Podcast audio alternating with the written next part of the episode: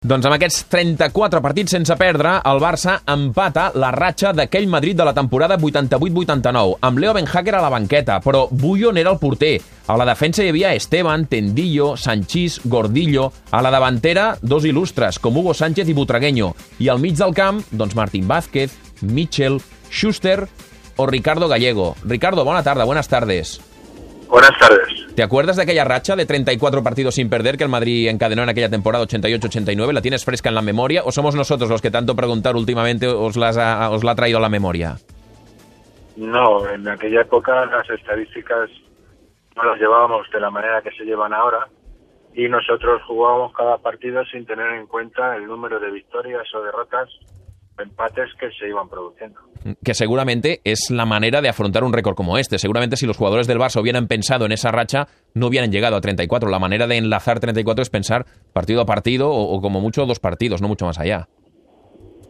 Es de lo que se trata es de pensar partido a partido y, y saber que en cuanto acaba un partido empiezas a trabajar en el siguiente o a pensar en el siguiente y es la mejor manera de afrontarlo eh, está rodeado de estadísticas que no todas las estadísticas sirven para algo. Yo creo que muchas veces son números, pero que no dicen la realidad. La realidad muchas veces de los goles que puede marcar un jugador u otro también depende de los rivales, del momento en que se ha jugado. Hay circunstancias que los números sí son claros, pero no te dan la realidad de lo que está ocurriendo en el terreno del juego. Eh, ¿Son equiparables el Barça actual con aquel Madrid en el que tú jugabas y que enlazó 34 partidos sin perder? ¿Se pueden comparar para aquellos oyentes más jóvenes que no vieran jugar aquel equipo? Hombre, yo tengo muy claro que el fútbol de ahora es mucho mejor que el de antes y, y el nuestro era mejor que el anterior. Yo no creo que en ningún sitio vayamos para atrás.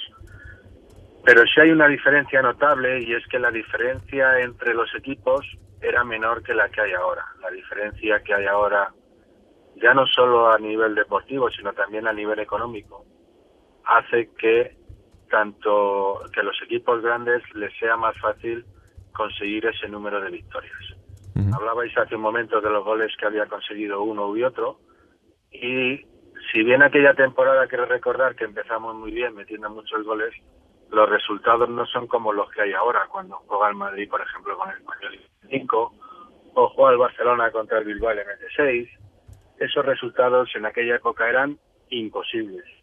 Y por eso no se puede comparar, porque con tantos años de diferencia comparar es, un insulto, vamos. Eh, por tanto, no, no, te atreves a decir si este Barça es mejor o si es más difícil esta racha que la de aquel año o la de aquel año más difícil que la de este. No, te he dicho bien claro que ahora mismo el Barça es mucho mejor que nosotros en aquella época, evidentemente. Y, y el que no lo quiera reconocer, peor para ellos. Pero te digo que es más fácil conseguir el récord ahora que antes. Eh, para la gente que no recuerda aquella época, aquel Madrid dominó el fútbol español de una manera espectacular. Ganasteis un montón de ligas eh, de manera consecutiva, cinco creo que fueron, ¿no? Cinco consecutivas, sí, pero sobre todo porque éramos un equipo formado por gente que habíamos salido de la cantera, éramos siete u ocho madrileños, evidentemente no había la libertad de extranjeros que hay ahora. Nos conocíamos bien, se conocían nuestros padres, se conocían nuestros hermanos, nuestra familia, había una unión entre nosotros importante, más que deportiva era de amistad y con el tiempo ha seguido continuando, lo cual refuerza todavía esa teoría. Y creo recordar hace poco eh, que Guardiola se refirió a que su estilo de juego mm, venía un poco marcado por la época nuestra. Que de ahí sacó notas que le sirvieron para él luego implantar el estilo de juego que implantaba en sus equipos a partir del Barcelona. Eh, si cuando vosotros jugabais eh, en el Madrid, ganabais ligas, erais eh, el equipo a batir, el equipo que marcaba aquello, la línea que, todo el mundo tenía que seguir, si te dicen que 10 años después iba a ser el Barcelona, ¿te lo hubieras creído? Porque en aquella época, desde Barcelona por lo menos, incluso había un, no sé si decir que una sensación de inferioridad respecto a aquel Madrid. Bueno, el Barcelona tenía grandes jugadores, pero no tenía el equipo que tenía el Real Madrid en ese momento. Si cogiésemos uno a uno los jugadores que había en aquella época, probablemente el Barcelona ganaría.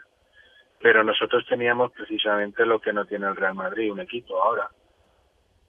y eso es lo que es muy importante y mucha gente no tiene entender para ser un equipo que quiera estar eh, siempre luchando, no digo ganando, ¿eh? digo luchando por lo menos hasta el último partido por conseguir títulos.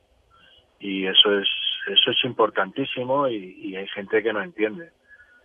Nosotros eh, en aquella época el Barcelona tenía a Ramón Martínez y ahora lo tenemos nosotros. Mm. Eh, sí, para aquellos oyentes más jóvenes, eh, es como si se hubieran cambiado la, la, cara y la cruz de una moneda, ¿no? Lo que ahora está haciendo el Barça es lo que en, aquella época hacía el Madrid. Efectivamente.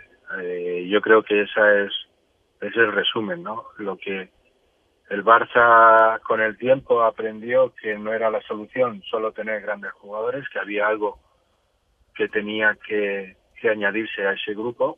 Creo que Cruz lo inició y lo y lo implantó en el Barcelona y sin embargo nosotros que estábamos ahí arriba nos creímos los dueños del mundo y poco a poco hemos ido perdiendo esa condición que nos hacía diferentes. ¿Por culpa propia del Madrid haber perdido esa, esa sensación de, dominar el, fútbol? Hombre, el Real Madrid evidentemente es el único responsable de eso, porque estando arriba muchas veces las cosas no se analizan, porque las victorias te dejan te dejan buen sabor de boca, pero no te dejan analizar que, en qué se ha fallado, en qué se ha mejorado, o qué es lo que hay que mejorar, o qué es lo que hay que evitar. Y ese es un análisis que hay que hacer tanto cuando se pierde como cuando se gana. Y yo creo que eso hace tiempo que se dejó de hacer y se optó por un modelo totalmente distinto. ¿no? Y cuando ahora ves al Madrid, tú que has sido exjugador, que has vivido esa época dorada y ves que se silba al presidente en el palco, se silba a los jugadores, se cambia de entrenador cada dos por tres, además entrenadores muy diferentes de uno a otro, eh, ¿qué sensación te queda? Incómoda. Yo no iría a ningún partido, a ningún estadio a pitar a nadie. Prefiero no ir antes que pitar. Pero esto es lo que se está viviendo ahora. Hay mucha, también hay mucha prensa, hay mucha gente que está mediatizada y que y que la gente se lo cree todo a pie juntillas y, va al campo y y la diferencia de aficionados que iban cuando íbamos nosotros, que eran gente joven, gente que animaba, gente que estaba detrás de nosotros, que nos exigía, que cuando nos tenía que pitar nos quitaba y no perdonaba ninguna, pero cuando tenía que ayudarnos en compromisos complicados, pues siempre estaban apoyándonos.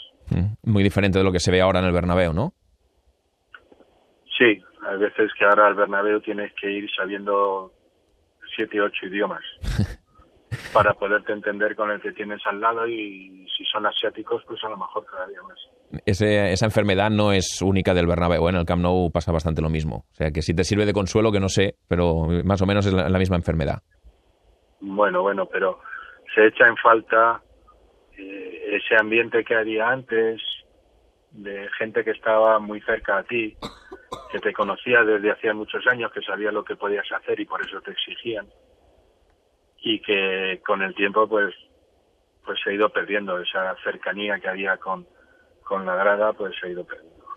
Doncs és Ricardo Gallego, un dels jugadors del Madrid d'aquell any 88-89 que van aconseguir aquells 34 partits sense perdre. És el rècord que el Barça va aconseguir empatar ahir després de guanyar al Sevilla una ratxa que ha llançat el Barça a la classificació i que ha ensorrat el Madrid en la crisi, que tot plegat ampliem ara en el seu anàlisi. Ricardo, muchas gracias por atendernos y buenas tardes.